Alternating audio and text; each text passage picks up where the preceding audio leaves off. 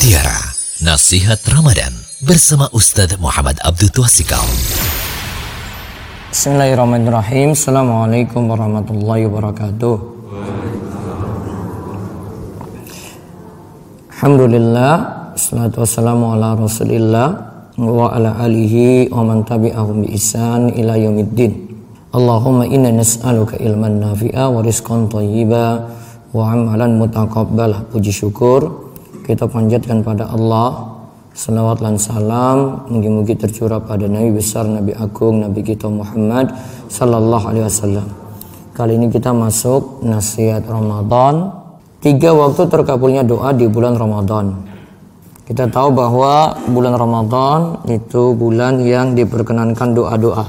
Allah berfirman dalam surat Al-Baqarah ayat 186 Wa idza sa'alaka ibadi anni fa inni qarib ujibu da'watad da'i idza da'an falyastajibu li wal yu'minu bi la'allahum yarshudun.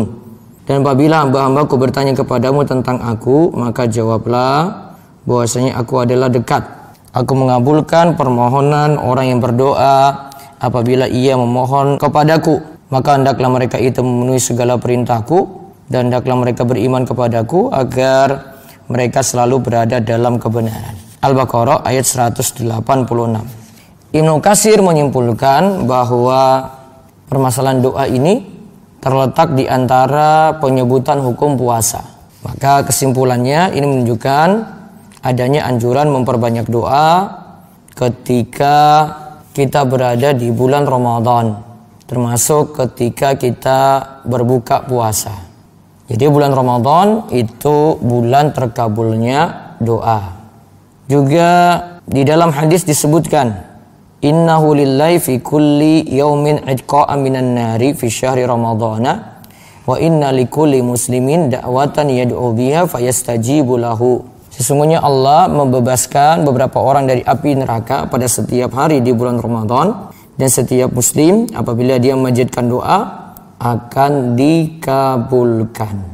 Hadis riwayat Al-Bazzar dan perawinya itu sikoh. Nah ada tiga waktu kita bisa manfaatkan di bulan Ramadan untuk berdoa. Yang pertama waktu sahur. Karena seperti hadis yang kita bahas sebelumnya dari Abu Hurairah Nabi SAW itu katakan Allah turun ke langit dunia ketika tersisa sepertiga malam terakhir. Lantas Allah berfirman, siapa saja yang berdoa kepadaku maka akan aku kabulkan. Siapa meminta kepadaku maka akan aku beri. Siapa yang meminta ampunan kepadaku maka akan aku ampuni. Ibnu Hajar katakan doa dan istighfar pada waktu sahur mudah dikabulkan. Kemudian kedua saat berpuasa siang hari berarti. Karena Nabi Shallallahu Alaihi Wasallam katakan salah satu naturaddu da'watum as-saim hatta yuftira wal imamul adilu wa da'watul mazlum. Tiga orang yang doanya tidak tertolak yaitu orang berpuasa sampai ia berbuka, lalu pemimpin yang adil dan doa orang yang terzolimi. Di sini sebut doa orang yang berpuasa sampai dia berbuka puasa.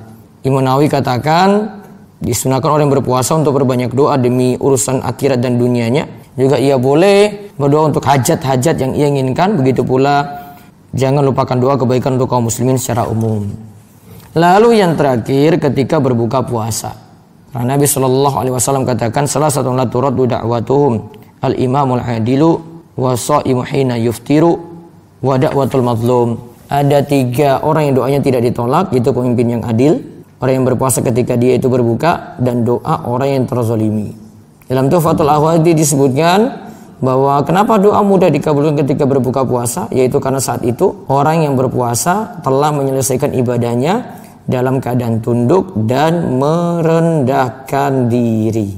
Kesimpulannya tiga waktu tadi Nji, waktu sahur, waktu saat berpuasa, ketika berbuka puasa kita manfaatkan bisa untuk berdoa dan waktu secara umum di bulan Ramadan termasuk akhir-akhir bulan Ramadan ini adalah waktu terbaik untuk berdoa. Demikian, mugi-mugi Allah memberikan kita ampunan dan juga mengabulkan doa-doa kita dan dimudahkan senantiasa diberikan keistiqomahan. Kita tutup kalian doa kafaratul majlis semoga.